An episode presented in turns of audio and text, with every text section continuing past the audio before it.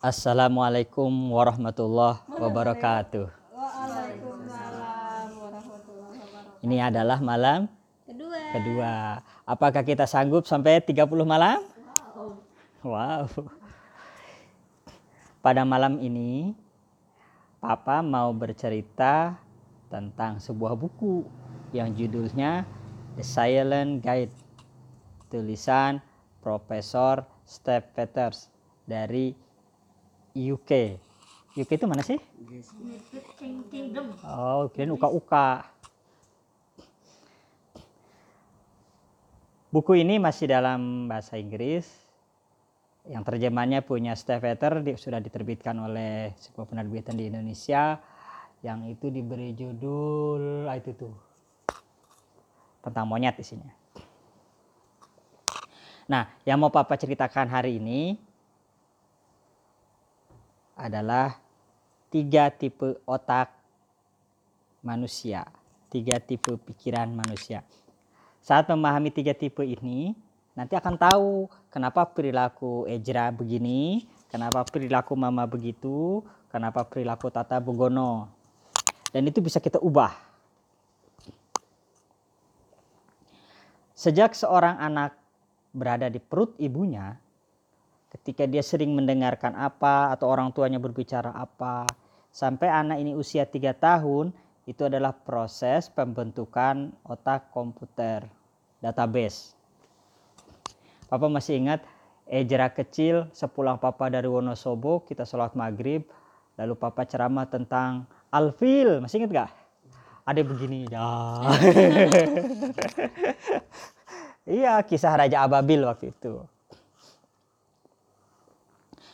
Jadi apa pun yang didengar oleh Ezra, oleh Tata saat usia dari masa kandungan sampai usia tiga tahun itu direkam sepenuhnya dan disimpan dalam otak komputer.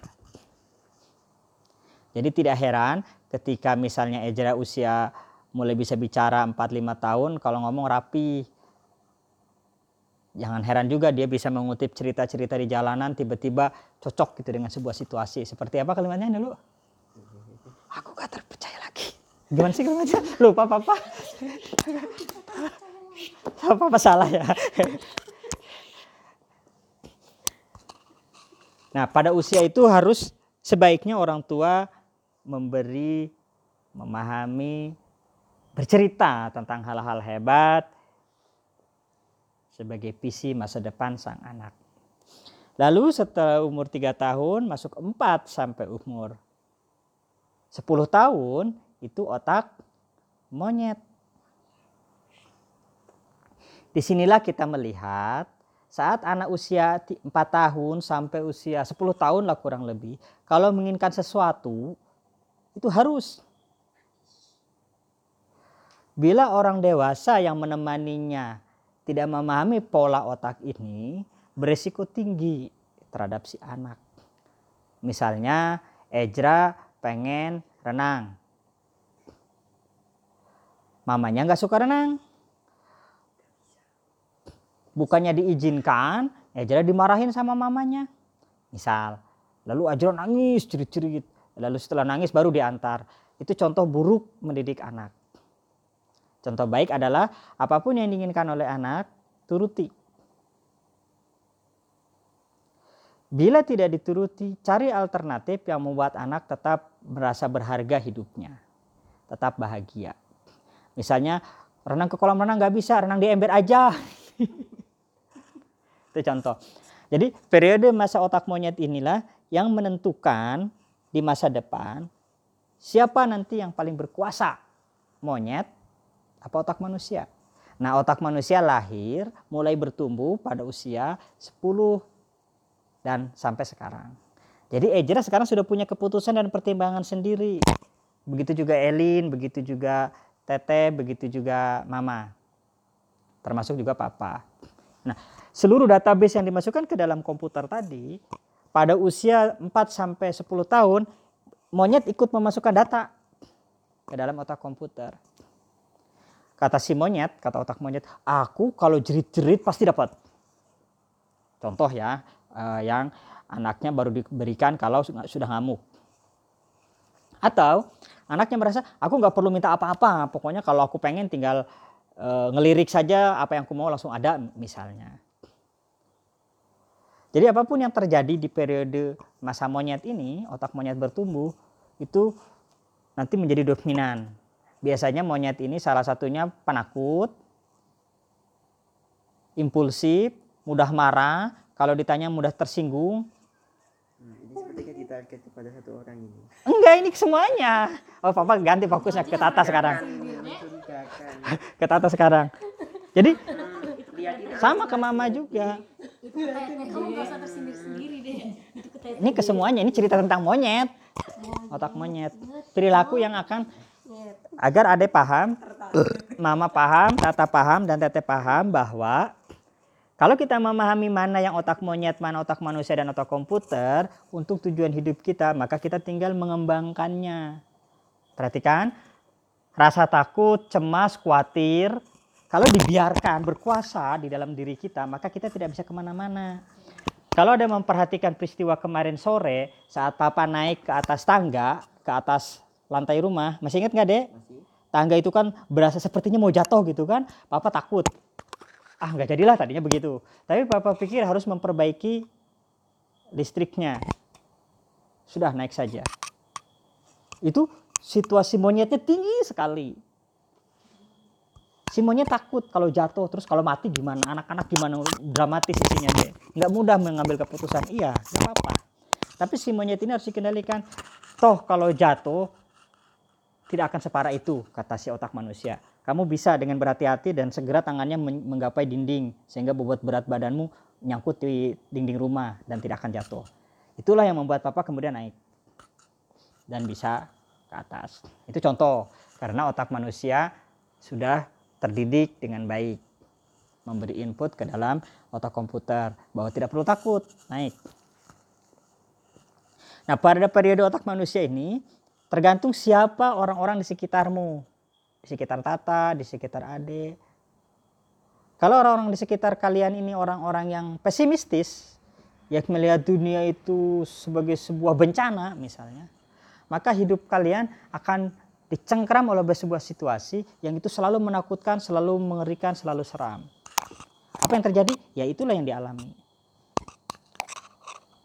Berbeda dengan di sekitarnya ditemani oleh orang-orang yang optimistis karena input yang diterima selalu bersemangat, bersuka cita, berbahagia, berbagi, memberi dan bersedia meminta bantuan. Dalam pola itu kemudian bisa bertumbuh dengan lebih baik. Jadi otak manusianya bisa pilih, bisa milih. Aku waktunya meminta bantuan apa tidak? Bisa nggak ini diselesaikan sendiri atau harus mencari orang yang bisa membantu? Begitu. Nah, pada masa otak manusia ini itu sampai sekarang. Makanya dalam ajaran Rasulullah, kalau sudah usia berapa? 10 apa 12? 10 ya? Nggak mau sholat, boleh dipukul. Karena si anak sudah menyadari saat dia dipukul, bukan dipukul dia karena orang tuanya tidak sayang, bukan.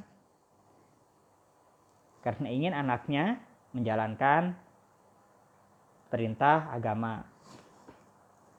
Lalu bagaimana dengan papa? Apa papa harus memukul Ejra? Enggak. Papa terserah. Kamu mau jadi apa itu urusanmu. Sama Tata, Mama juga mau jadi apa terserah.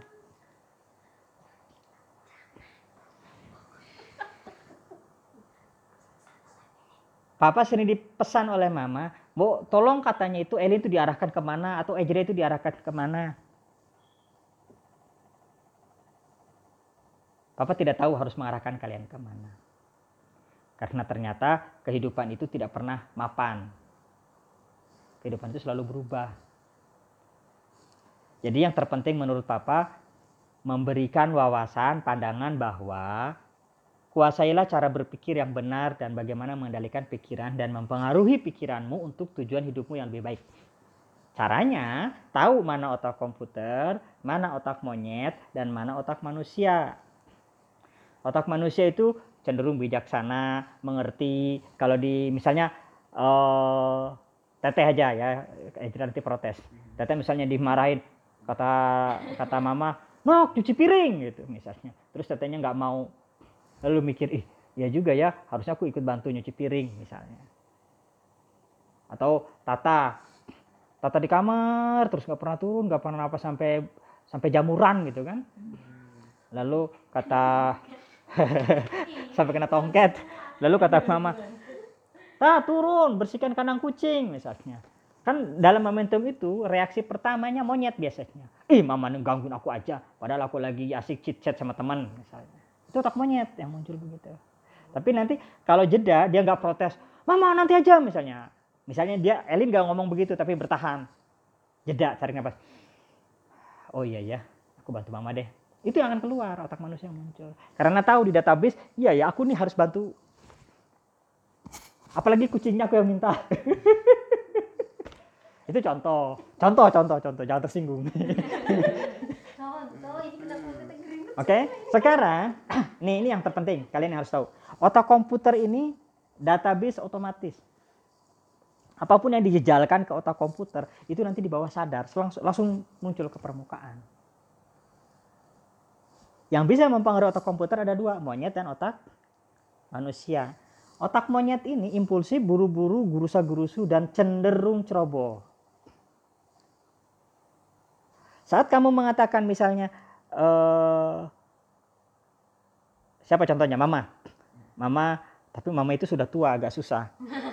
Jadi karena otak otak manusianya sudah biasanya meskipun rada-rada bandel agak lebih mapan. Yang pas itu segede ejra. Contohnya ejra aja ya. Misalnya dek eh, belajar membuat video YouTube misalnya. Ketika permintaan itu yang muncul, lalu Ejra merasa, ah apa sih gunanya? Itu yang mengatakan, ah apa sih gunanya? Itu otak monyet. Kenapa? Karena si monyet merasa terganggu waktu bermain dia. Kalau ada berpikir, orang tuaku ini nyuruh-nyuruh aku mulu, nyuruh inilah, nyuruh itulah, nyuruh inilah, nyuruh itulah. Ke dalam sistem database komputer tadi, itu yang muncul penolakan, penolakan, penolakan, penolakan, penolakan. Jadi papa tidak akan heran kalau, dek jalan-jalan yuk, nggak, nggak mau. Nah, itu wajar. Karena otak manusia ade belum dididik untuk belajar, oh iya ya sewaktu-waktu aku harus bantu orang tua, oh ya sewaktu-waktu harus melakukan sesuatu yang berbeda, oh iya ya kayak gitu. Itu namanya self-suggestion. Jadi kita sendiri, ada sendiri yang mengatakan, apa yang bisa aku lakukan selain main game? Apa yang bisa aku lakukan selain main game? Apa yang bisa aku lakukan selain main game? Papa jadi bingung kan? Main game semua. Nah, Papa salut sekarang belakangnya Ejra, oh aku kalau pagi nyemprot tanaman misalnya. Oh nyiram, nyiram tanaman. Ya. Atau ada dengan senang hati, oh bantu papa pegangin tangga pas naik. Itu itu bentuk-bentuk lain pendidikan dengan tanpa disadari oleh Ejra, otak manusia Ejra sedang bertumbuh. Bayangkan kalau Ejra ini usianya di bawah 10 tahun, nggak bakal itu nggak mempan. Karena monyet semua isinya. Makanya sekarang adek. nah itu jadi, nah kalian ini semuanya berempat, kalau mau hidupnya berubah dalam satu malam caranya gampang. Setiap mau tidur, mendengarkan atau membaca atau memikirkan hal-hal baik yang bisa kalian wujudkan. Itu aja. Jangan sampai pas mau tidur membayangkan hal-hal horor, nanti mimpi buruk. Nah, intensitas kita mengintrodus, memasukkan database ke dalam komputer. Misalnya, aku bisa masak, aku bisa eh, makan, apa sih gue makan? Aku bisa cuci piring, aku bisa mandiri, aku bisa tertib mandi pagi, siang, dan sore, misalnya. Aku bisa baca buku. Di, enggak apa-apa sekarang jadi bandel juga, itu nggak penting buat papa. Tapi pikiran itu ditanamkan terus ke dalam database komputer tadi. Papa nggak bakal kaget. Suatu hari tiba-tiba, wah Ejra hebat gitu. Ini papa kasih contoh. Sering sering di mana-mana bapak papa suka lihat ada orang tua yang suka bercerita kenapa sih anakku tuh minta ini minta itu? Papa suka mikir sendiri kok anak saya emang gak ada yang minta ini minta itu ya? Kenapa ya? Coba kalian pernah minta apa sama papa? Gak ada kan? Teh botol. Hah? teh botol.